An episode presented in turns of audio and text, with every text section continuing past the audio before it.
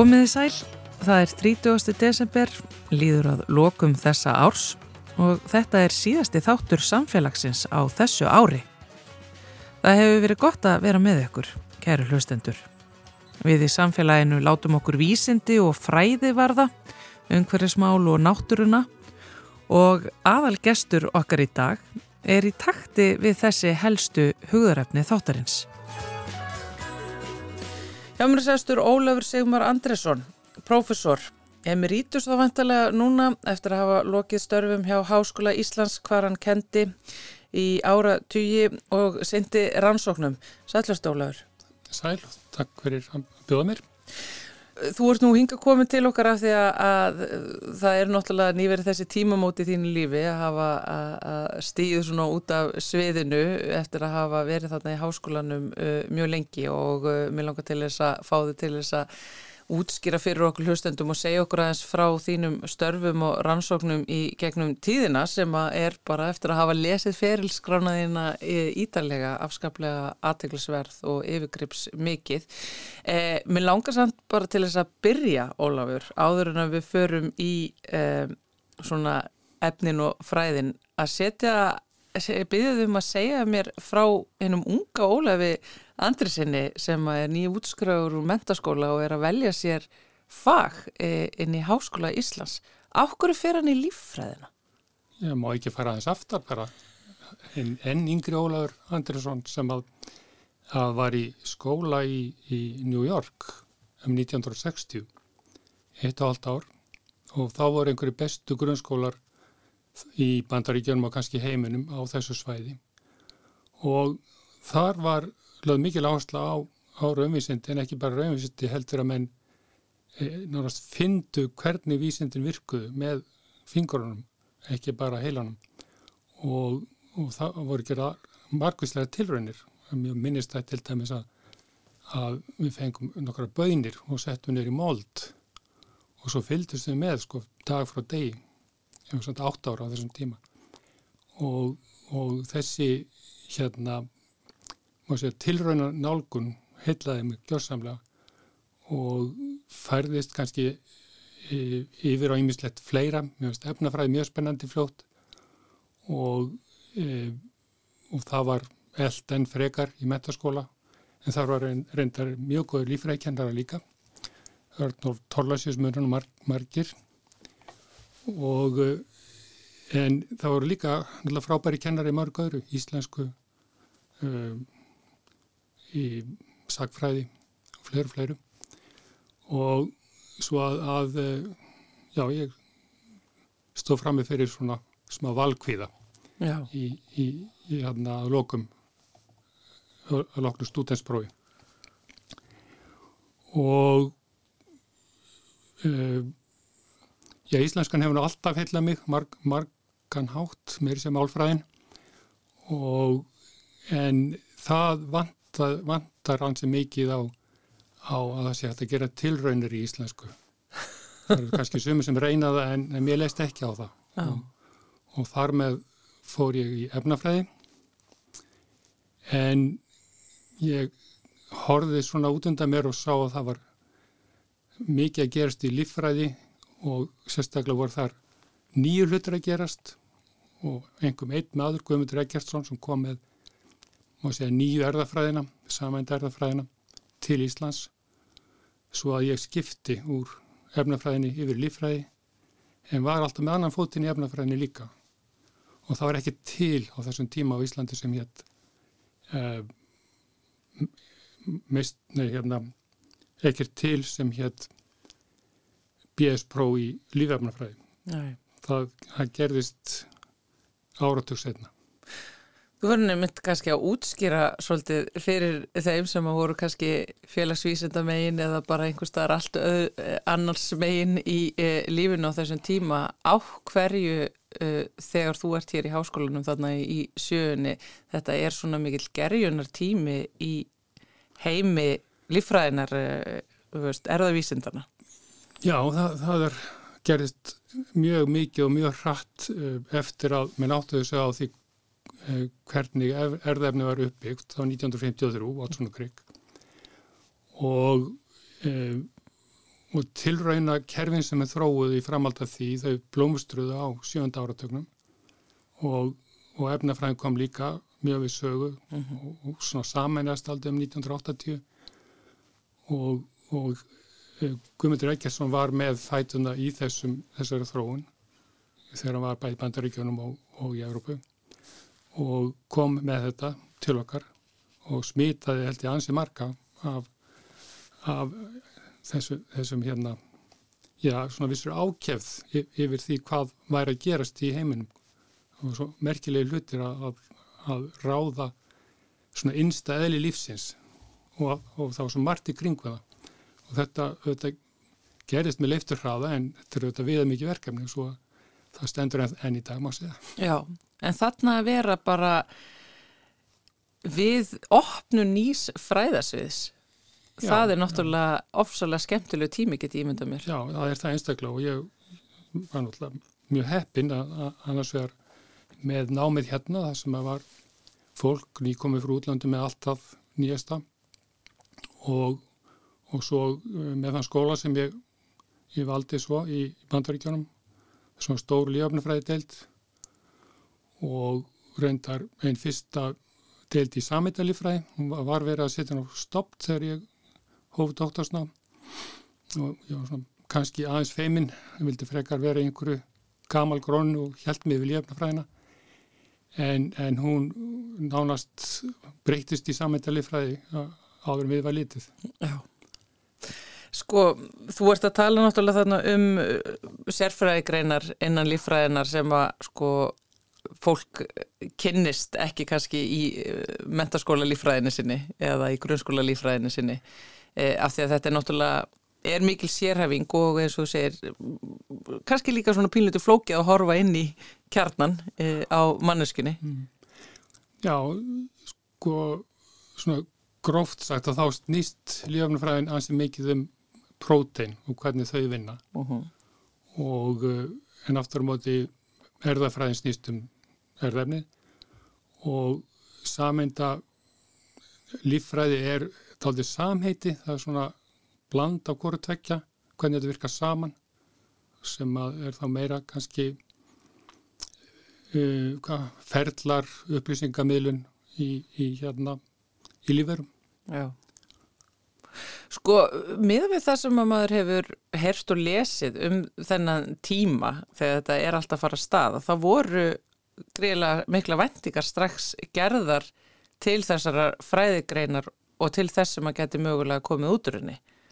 Já, Lausnir við öllum heimsins vandamálum, já, nánast. Það, það, það voru mjög miklar og einmitt um, kannski strax um það leiti sem ég var stráklingur í New York að Nixon sem var fórsetið þarna skamið senna að hann setti ja, svona hrindast að með öðrum uh, gífulegri herrferð þar sem átt að nýta þessa nýju vitnesku úr erðafræðinni til að leysa uh, krabbamennsvandama á lið. Já.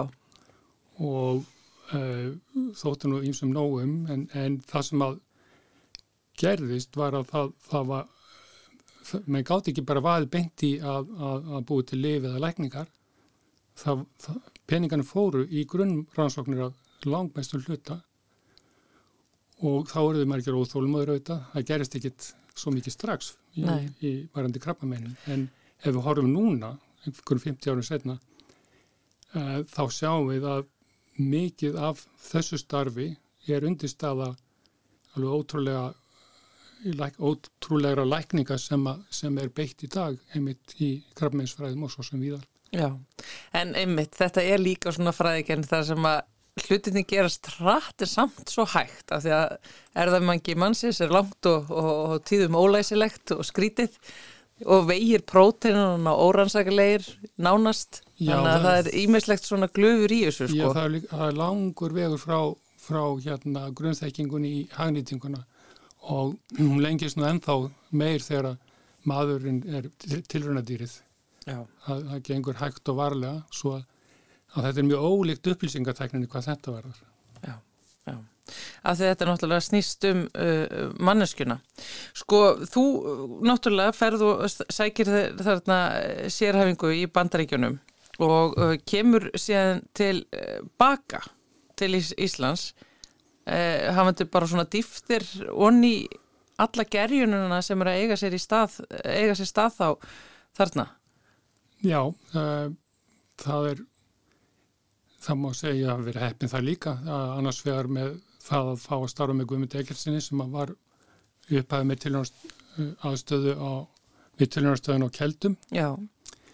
og, og svo ég var þar í verkefni smá, já, tvö sumur og um, kynntist á fólki á Keldum og því starfi sem að þar var unni, það var, má sé að sprottuð upp af Elju Björns Sigurssonar sem var fyrsti fórstöðumæðurinn á Keldum og dóf fyrir aldur fram því miður uh, en þar starfaði heilmært fólk áfram að rannsóknum að hægengum sjúkdómum og e, það ægslæðist hannig að, að, að þáverandi fórstöðumæður Guðmundur Pétursson hann sá nót fyrir nýjar aðferðir í rannsóknum á mæðu, mæðu vistnveru sérstaklega uh mhm. -huh.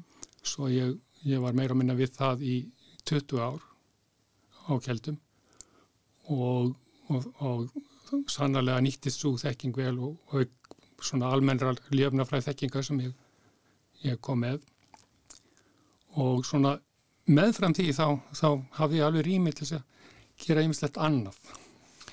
Já, er það ekki draumir í dós fyrir fræðumann? Já, maður segja það og, og já, bæði utan og innan fræða en, hérna, en það var sérstaklega þá líftæknin eh, sem að, blasti við mörgum og ég á samt fleirum tókum höndum saman um að, að eh, safna hugmyndum og grunn upplýsingum um hvernig mætti ebla líftæknu í Íslandi, þetta var um 1983-4 og reynda með tilstyrk uh, rannsóknaráðs og, og háskólans. Og hérna ég held að okkur tekist ágætla að vekja aðtekli á, á möguleikonum og, og þessum nýja veruleika mm.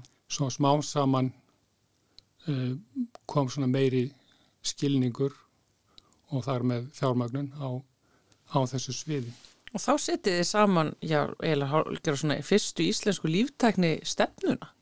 Já, nákvæmlega fyrir, fyrir tilstölan Rassonrás og, og uh, ég vona það, ég held að hún hafi haft heil, heil mikil áhrif og, og, og ég var náttúrulega ekki eini maður sem var að koma frá útlandum með, með hérna, eitthvað svona nýtt í puttunum og það voru fleiri sem að sem bættust í, í hérna liðið. Já. Sko, hvað er það sem að þessi líftækni stefna leggur grunninn að? Ég bæði samstarf og fjármögnun. Uh, það er nú bara eins og hverjanur Európa áallin með það og áherslu á, á að menn vinni saman nýti vel það sem eru bóði og, og, og bjóða eitthvað og, og reyna að fá meiri peninga á sviðið. Mm -hmm. um, og það gekk hægt en bítandi svo að, að það skipti miklu máli þó að veri lítið. Já. En sko þetta líka elur náttúrulega ímjömslegt af sér að sapna allir þessari þekkingu saman, setja sér stefnu og búa til e, þessa þekkingu.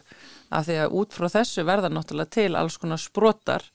Talandu um að því að það voru lagðið peningar í þetta það er náttúrulega já. þetta ólafsir líka rosalegar peningamaskinur það er þetta horfa á það öðruvísi að hérna, vegna þess að það voru svo litli peningar en, en það var þekking og elja fyrir hendi þá byðu sem er ekkert bóðan að heldur komið sér upp fyrirtækjum, svona sprota fyrirtækjum eins og það nefnir og uh, við sjáum sem þeirra uh, lifandi ennþá sem er nú það er nú sagt að það sé kannski eitt af hundrað eða eitt af fymtíu sem að hafa eitthvað líf.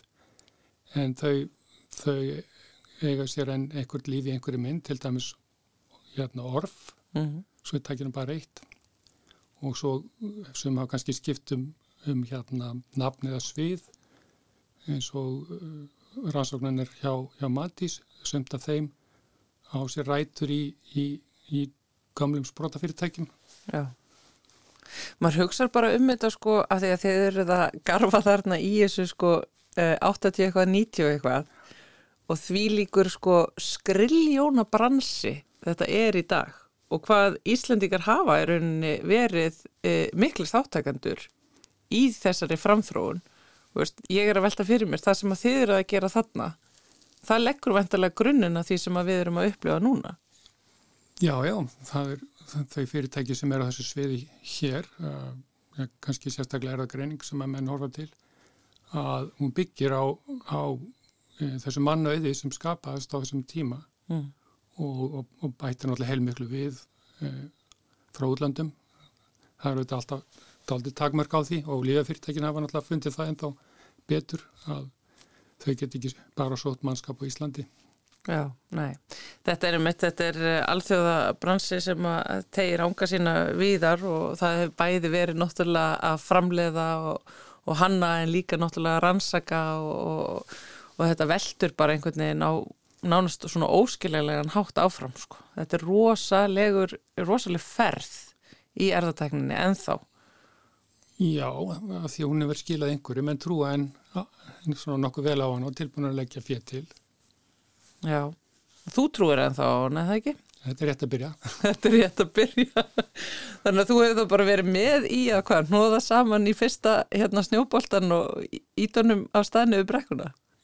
Já, svona einhverju skilningi, svona einhverjum grunninn, en, en ég hérna, eh, ég er engin, engin businessmaður og þá, það má segja, ég hef svona aðeins svona sett puttan í það en fundi fljóta það, það er ekki mitt. Nei, þeir eru ekkert langa til þess að ég hendaður út í þennu svona viðskipta heim eh, erðatekninar og verða einhver svona spaði á, á markaði? Nei, alls, alls ekki. Ég, ég hérna er miklu sáttari við að ég heila tvent sko, annars vera að geta gröitað í, í mínum eigin pottum og, og hins vegar hins vegar hérna, fengið aðræðlis að gera með mér. Já, og þú grötaði nú aldrei í pottunum þarna á tilröðunastöðuna Kjeldum eh, sem er, eh, hefur þarna verið bara henn fullkomni staður eh, fyrir forvitin mann að vera á og segðu okkur frá einhverju svona eftirminnilegu sem að þú ert að brasa við á þessum tíma þarna rétt, um, rétt fyrir og um og í kringum aldamótin. Já, það kannski það sem að, að ég tel nú svona mitt mesta handverksafreg að hérna að þarna um 83-4 þá var, var einiverjan orðin taldið áberandi í umræðin og, og náttúrulega vandi við það og menn um, sáu náttúrulega margt sem var líkt fljótt, margt var líkt með vissnum mæðiverinu og einiverinu sem var þetta stíðast við ímslegt sem hafi verið gert á kjaldum en, en uh, svona þeir sem stóðu vel að við þau voru tiltöla fljótir að, að, að hérna, einangra erða efni ennar og, og, og rækreina basa fyrir basa svona 10.000 basa langt erða efni Já, einu-verunar Já, það er bara hægt að rekja hana aftur bara nánast eins og bara svona ættfræði. Já, já, hún, hún á sér ættasögu sem er, er orðið svona sæmilega þekkt. Já. og en svo við vildum alltaf gera það sama að, að hérna einangra erðefni mæði vissnuverunar og þessi við, það var það nú heila bara ég og kannski einhverja nefnendur sem kom, kom í verkefni. Og aðeins lengur eh, en það voru fleiri erlendir sem voru að reyna að gera það sama því mæði vissnuveru var eh, hún var svona mjög heppilegt viðfangsefna þessum tíma vegna þess hvað var líka eini verinni og var rannsókað á nokkrum stöðum. Sem voru með ákveðinu kapplöpi og e, á endanum þá þá verðum við fyrst og ekki bara það heldur vorum við þau einu sem að komum upp verðamengi sem er heilt má segja. Það er, það er að þú getur sett inn í frumur og færð lífandi veiru Já. eða má kallaði lífandi Þetta er sko ekki einfalt að fá fram skilsmér Nei, það var bara alls ekki einfalt Þetta er nefnilega sko þetta með erðamengi, það er alveg rosalega eh, flókin uppskrift. Já. Það, já, já, og líka bara fá það til þess að vinna fyrir já, sig. Það, það er um, líka annað áhamáli að hérna fá erðaefni úr, úr einhverjum svona öðruvísi skemmtilegum lífverðum eins og fléttum til þess að, að mynda einhver, einhver flott og jáfnvel verðmætt efni. Og með því að taka erðefnið eða genin flytja í, í bakteriður eða svepp eða eitthvað slíkt það hefur engun gengið með, vel með það. Ég er reyndið nokkur ár og ég er ekki svo eini. Nei, já. Flettunar einmitt hafa átt hug þinn allan. Við ætlum kannski að halda áfram og ræða þær. Það er góðu vinkonu þínar og ímislegt fleira sem að tengist íslenskri nátturu. Við erum hér með Ólaf S. Andresson Profesor Emeritus, um, ætlum að halda áfram að tala við hann meðal annars um uh, Káranhjúka og náttúru Íslands en áðurum höldum áfram skulum við fá jólaköttin.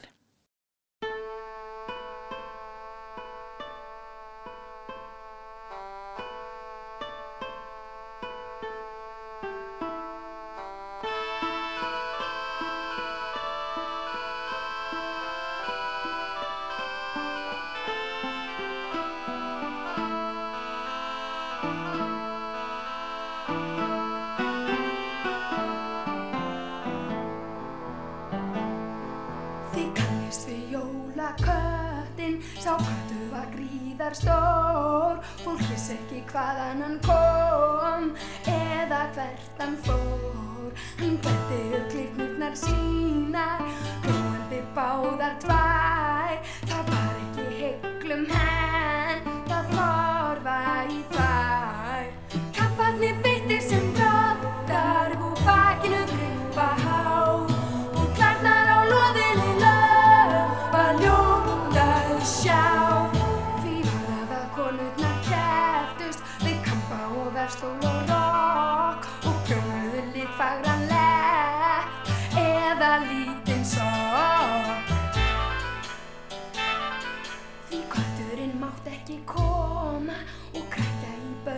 smá. Þau þurðu að fá sína flík um fullordnu hjá og hvitt var á jólakvöldin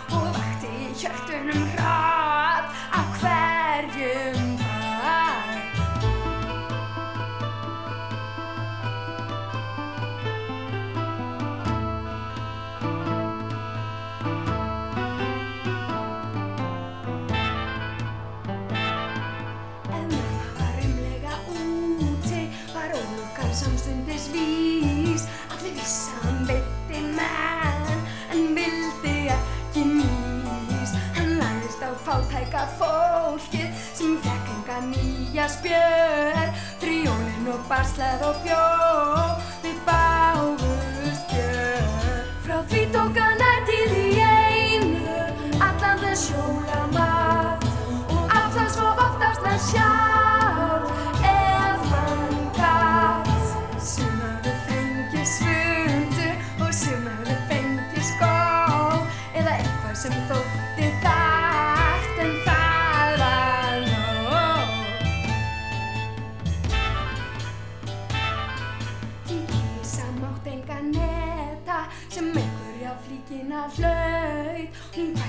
heldur ljót og hljópa á braut. Hvort enn er hún til veit ég ekki en naumurði hennar för. Ef allir eignuðust næst einhverja spjör. Þið hafið nú kannski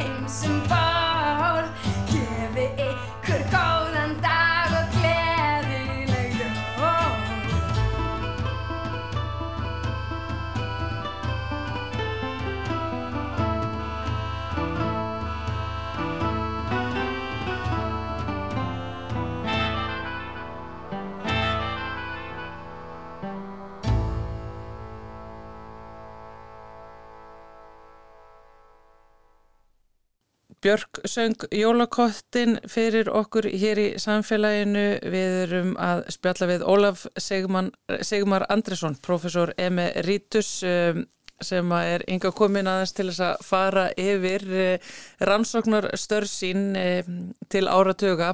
Uh, Ólafur var já, með puttana í mörgu þarna í áttinu og níunni meðal annars hvað við kom erðatækni en undir hagsínum vel eins og var að lýsa fyrir okkur hérna áðan við tilrunastöðuna á keldum. Ólafur það er ímislegt eh, sem að þú ert að fást við þarna á keldum og þú sagðir á þann að það er bæði rannsóknir en síðan ímis önnur hugðarefni tengt og minna tengt e, e, þínu fræðasviði.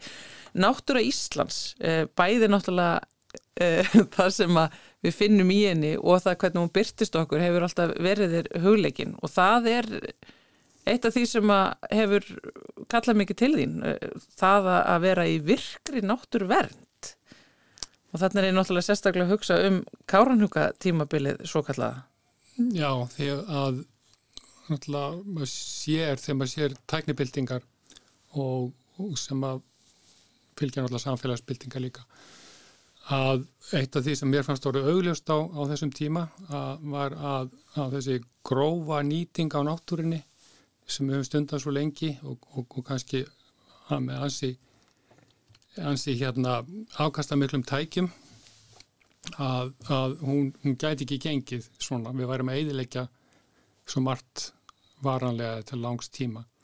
Og það var svona frekar augljóst þegar, að, þegar að, að ég fór að ferðast við um, um landið við fjölskyldan og, og skoða eh, marg, marga af þessum stórkoslu stöðum sem við eigum á landinu að, að sum áform um, um hagnýtingu vassfalla uh, voru vægasatt grottaleg og spurning hvort að stæði nokkuð, nokkur almennlegur hagfótur undir þeim allavega ekki við horfum til e, Íslands eða Íslensk þjóðfélags. E, það var svona frekar augljóst að það væri mjög hagfælt fyrir allþjóða auðringi svo ég noti þá orð. Og og, eh, og, og með sveið eins og mörgum öðrum hvað við vorum að bukta okkur undir e, slík bóð sem að þau hefðu á, á höndum. Og, og það var líka orðin okkur ljóst á þessum tíma að, að þó með þrá, þráist við að það erði mikil uppbygging í ferðamennsku í Íslandi. Þetta er náttúrulega 1908 eða 1990 og uh, menn voru svona daldi hiss á því og ég reynda líka hvað ferðarmennska þróast hægt svo þólumæði var, var náttúrulega ekki mikil hjá, hjá stjórnveldum og kannski einhverjum fólki út á landi sem vildi fá vinnu og, og þar með var ráðist í, í þessi svakalega áformum um káranhjúkastíbluna og þá eðileikingu og ég var þá í stjórn Náttúræntarsamtaka Íslands og þau og fleiri samtök og það voru náttúrulega mörg samtök sem voru bara annars stopnið til þess að berjast gegn þessu, þessum óskupum og, og það var hört barat og mjög óvægin. Mm -hmm. og, og þá lærði maður eh, hvað, hvað fjölmiðlar, já vel þó væri ekki stórir, gæti verið mikið skadræði og eh, en það var nú stjórnvöld sem var aðalega við að eiga og reyna að breyta hérna sjónamiðum hjá þeim og það var fyrstja fólki síðan stjórnvöldum vennilega og, og það gegnum svo langt að ég hérna stóð í málsókn um, gegn umhverfisráðara á samt uh, Guðmundi Páli Ólarsinni og Alla Gíslasinni og það var út af þessu merkileg reynsla og, og hérna náttúrulega hardla vonlaus eins og venjulega þegar að menn reyna að rekka mál gegn ríkis, ríkinu eða hvað þá stjórnvöldum mm. og en það var svona aðeins árabót og þá var þó dó, dómurinn sló aðeins á, á puttan á, á ráðara fyrir, fyrir vondastjórnsíslu Já. Sko það er náttúrulega að einhverju leiti langt úr liðið og uh, upplifur þig sem mannin sem hafði rétt fyrir sér mannin Já, sem varaði við algjörlega. réttu megin við söguna. Algjörlega. Já. ég held að við tapa meira heldur en það er bara stendið þá fram já. Og það verður kannski ljósara með hverjum deginu sem líður. Já, ég held það Sko, Ólafur, mér finnst það aðtiklisvert að, að hugsa um þessa baróttu sem að náttúrulega er hægt að lesa um í blöðum hjá þér og, og fleirum uh, gegn káranjúkum af því að, að þarna fer náttúrulega eitthvað, þetta er svo rosalega stort og þarna tekið svo rosalega stort landsvæði undir uh, þessa frangvæða alla af því að sko þú ert að hugsa um þessi risastóru mál á sama tíma og einhvern veginn þú ert að draga stað ofsalega smáum atriðum við náttúri Íslands og þannig er ég með að tala um fléttur og, og, og einhver, einhver lífskurt, einhver plöntu fyrirbæri sem að er eitthvað mjög einstakt og skrítið á Íslandi sem að fæstir veita kannski einhverja aðtikli. Já, og þess vegna verði út undan og, og, og þess vegna voru líka fullt af tækifærum til að skoða e, fléttur og, og lífskurn og fleira með nýjum aðferðum. Það, það hafði lítið verið gert, það eru þetta sambarilega fléttur viða, jável lífskurn. Og, þú verður að útskjara fyrir hlustundu hvað þú ert að tala um ég þetta sko. Fléttundar eru, eru stór hluti af, af, af, af lífverðum á Íslandi.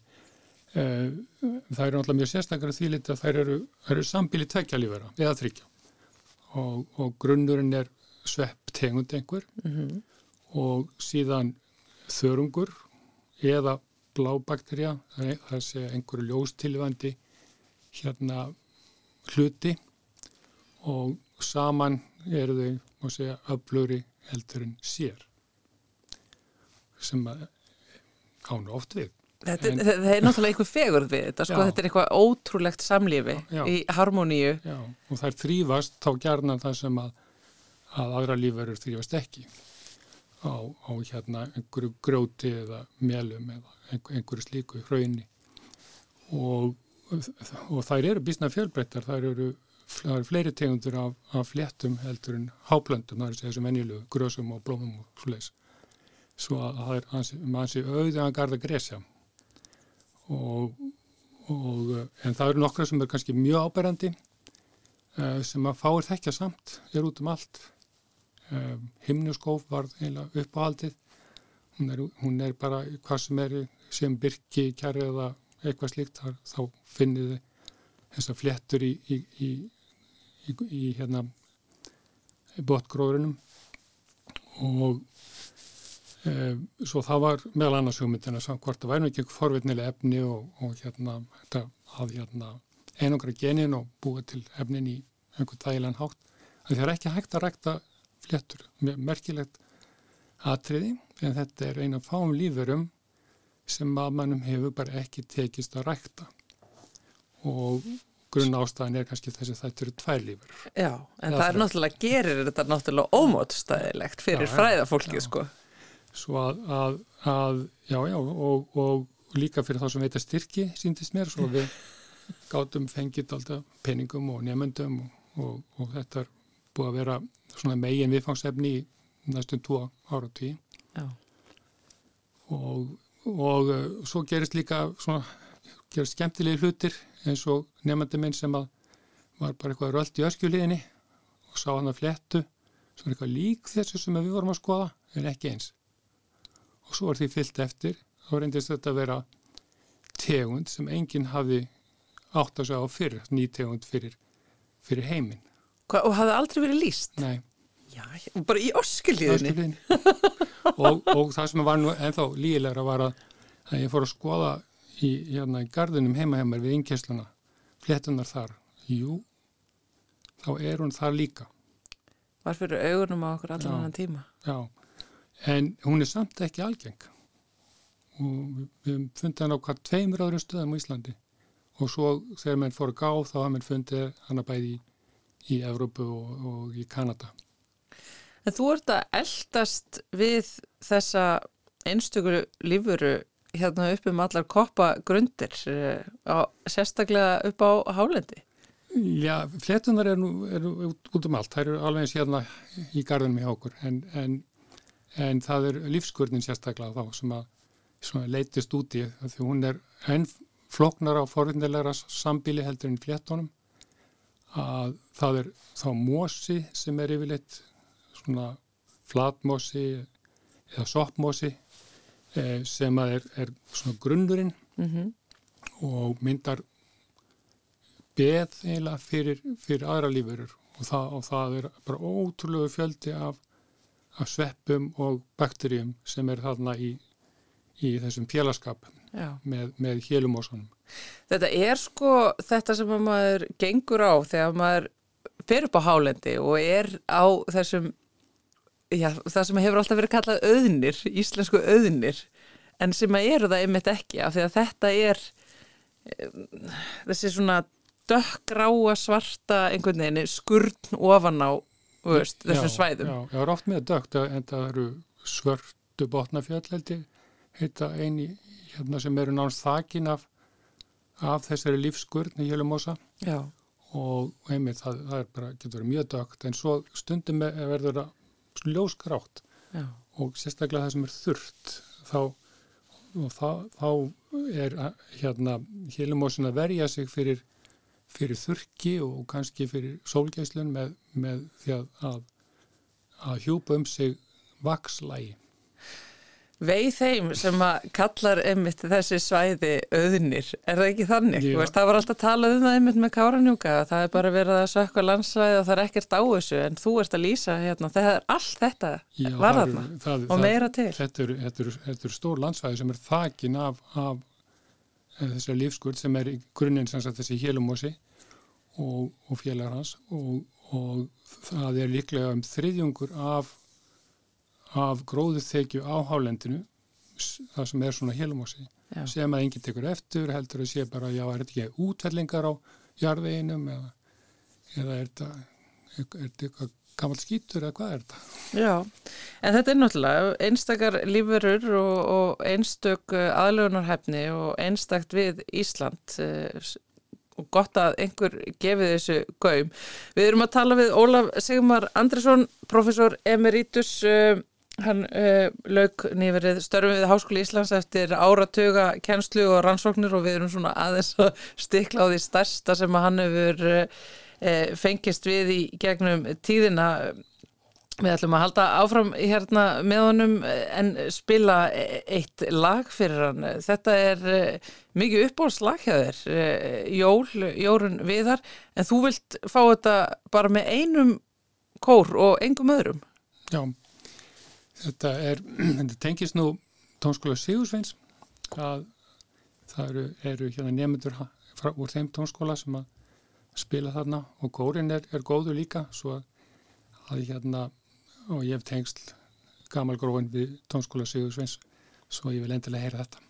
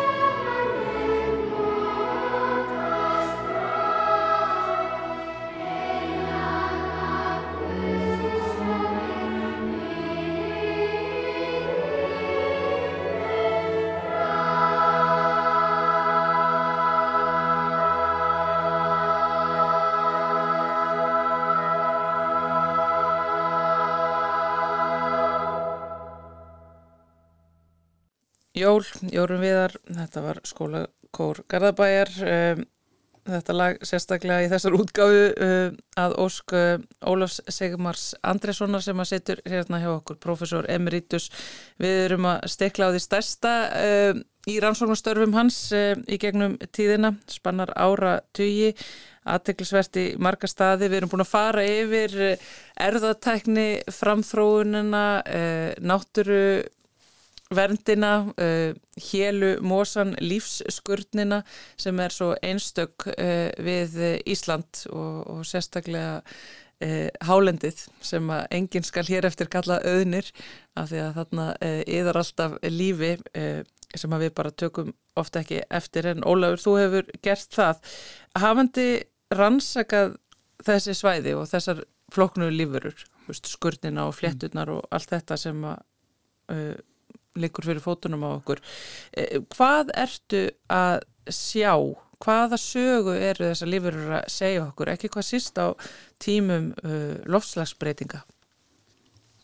Já, þetta eru, um að kalla þetta frumherja lífverur, það er, það er e, bæði flettur og, og svo lífskurnin er, er að setja stað og, og, og maksa á ógrónu svæðum, á hvað sem eru steinar eða, eða eitthvað, einhver gjóska og ofta nú svona frum hérna jarðveður á Íslandi mjög grófur og laus og, og þær eru auðvitað að binda þennan viðkvæma jarðveg. Svo, svo að, að, að sérstaklega lífskvörnin uh, hún, hún fer að staða það sem er nælu raki, sæmileg snjóhula.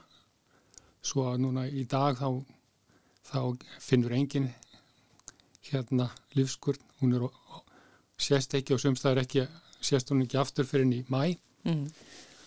og en verður svo ábyrjandi af sumrunum og en þetta eru þá oft mjög hörð skilirði, svona þessi byrjunarskilirði það sem kannski e, gjörður að koma undan jöklum og þá er, er lífskvöldin gætnan eitt af því sem kemur þar fyrst inn af líferum í einhverju mæli. Og, og áframaldi verður svo einhvers konar árás af, af háplöndum og mósum og öðru.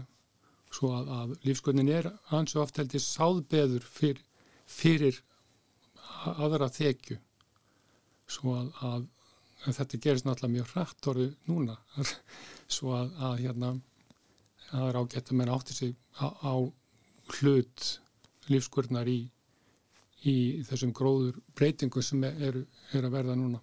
Nú svona vistfræðilegur undarfari. Já, hún er það rétt eins og, og margar fléttur eru uh, og, en, en það eru kannski mósanir sérstaklega sem ég hef nú ekki dottið algjörlega í en þeir eru, þeir eru náttúrulega ennþá útbreytari og, og hérna mest lýsandi nafnið í Ísland finnst mörgur lífræðingum vera Mósaland.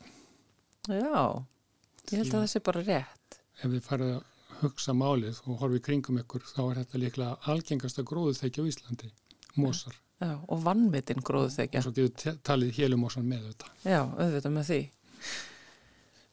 Ertu uh, áhyggjufullur uh, sko út frá þínum, já út frá því sem að þú hefur verið að rannsaka og, og skoða, uh, ertu, sérðu áhrifin af umhverfsbreytingum sem að verða alltaf meir og meiri í kringu þig?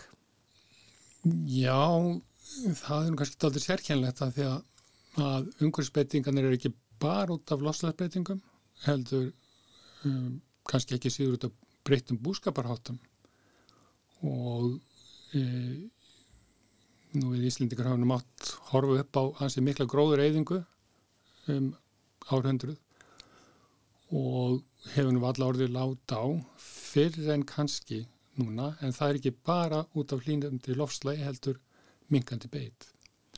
Og, og henni fylgir við að uh, hansi mikill framgangur ímiskonar uh, uh, plantna og, og meðalans byrkis og, og, og hérna það hefur mikil deila um, um hérna ágengar framandi tegundir. En það eru líka ágengar innlenda tegundir. Og, og það er, er alveg ótrúlegt hvað, hvað byrkið nær sér við á stryk ef það er einhver fræðfóri í nágranninu já. og kannski stundum það sem menn vilja ekki tafa það. Og þá er mitt líka, uh, er það svolítið plássfrekt og á kostnaðið mitt svona Já, já, fjölbreytileikar í lífkerfinu og í, í vistfræðinni. Já, já, og, og, og, og þá skarast það líka við annað svona áhugaðsvið mitt, það eru, eru fuglar. Og ja, mér er alltaf fundist gaman að, hérna fylgjast með fuglum og ymsan hátt og, og ekki síður að, fylgjast með skemmtilegum rannsóknum af fuglum eins og hafa verið mjög ábærendi núna, Já, ekki síst á Suðurlandi. Já, og, og, uh, og þar erum við að skoða vel sko hvað uh, hvað áhrif hafa gróðbreytingarnar og, og breytingar á búskaparháttum á, á, á fuglalíf já, og því það eru svona uppáhaldslífur hjá mörgum og, og við erum með stóra fuglastofna af, sem eru ansi mikið okkar ábyrð, mófuglar sérstaklega. já. Er hægt að veist, samt, hafa meiri áhuga á einhverju íslenska heldur en einmitt fugglunum okkar, mófuglunum vantarlega og síðan hérna, þessum stór skrýtnu skrýtna héluskurt sem að þekur hérna, eiðilegustu hluta landsins. Jú, jú, ég held að það sé til fleira svona sér Íslands sem er þetta að hafa alveg ótæmend áhuga á þá ekki síður í jarfræðinni. Já, Það sem að ég hef svona verið áhörandi meira heldur en gerandi. Já, já, sko það að hafa komið svona viða viða á löngum ferli, hvað er núna? Vist, þegar þú hættir að vinna eftir að hafa unnið þarna lengi á keldum og síðan í háskólanum, ertu búin að loka fræðubókunum uh, eða ertu eins og oft við er með þessa emeritus að að að klára málinn sem að uh, lágu óbætt hjá gardi svo Já, lengi. Ég, ég vildi væri duglega við það en, en vandin er sá að, að ég held að þessi eðli margra á þessu sviði að það er alltaf eitthvað sem vekur alltaf eitthvað nýtt sem vekur áhuga manns sem það er endilega skoða betur. Já, eins og hvað, Ólafur? Hvað, hvað, hvað er nýtt á sjóndeldar ringnum þínum núna? Já, undanferðin ár hef, hef ég með, á samt fleirum að vera, verið að, að, að skoða aðferði til þess að meta uh, losun koldvísýrings úr jarðvegi. Það fer svona út í tæknilega hluti sem en það getur verið mjög gaman að vinna að með, með öð- öðrum sem kunna betur en ég í, í ýmsum atriðum. Svona samþætta þekkinguna og, uh, og svo er, er hérna mannstu lofslægi þá eru þá eru mikla deilur alltaf um skórækt það er, það er svona að líka að margir þrýfist á á því að deila um skórækt eða það sem henni tengist. Já, og ég er kannski daldið inn, inn í því líka. Já það ættir nú allavega að halda blóðin á reyfingu, já, þau málu öll. Þannig að, já, þú, þú ert allavega, þér leiðist ekki.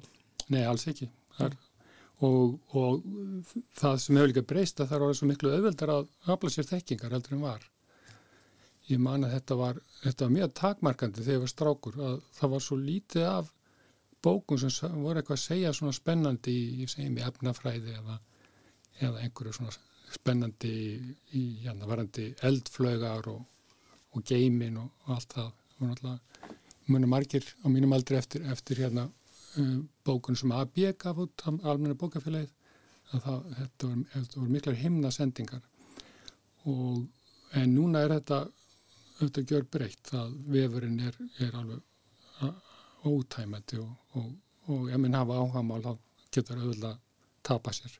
Já.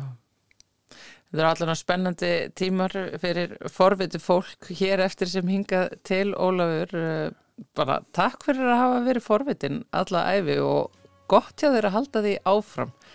Það er nóg allavega í umhverjum okkar sem að hægt er að fræðast um. Því fleiri því betra. Takk að fyrir.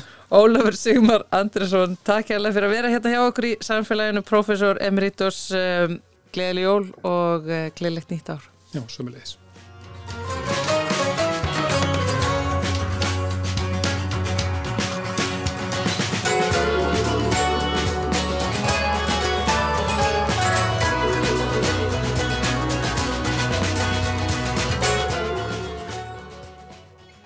Og með því líkur samfélaginu í dag, þetta er síðasti samfélagsþáttur ársins. Við þökkum hlustendum okkar kærlega fyrir samfélgina. Ég heiti Þórildur Ólafstóttir, veriði sæl og gleðilegt ár.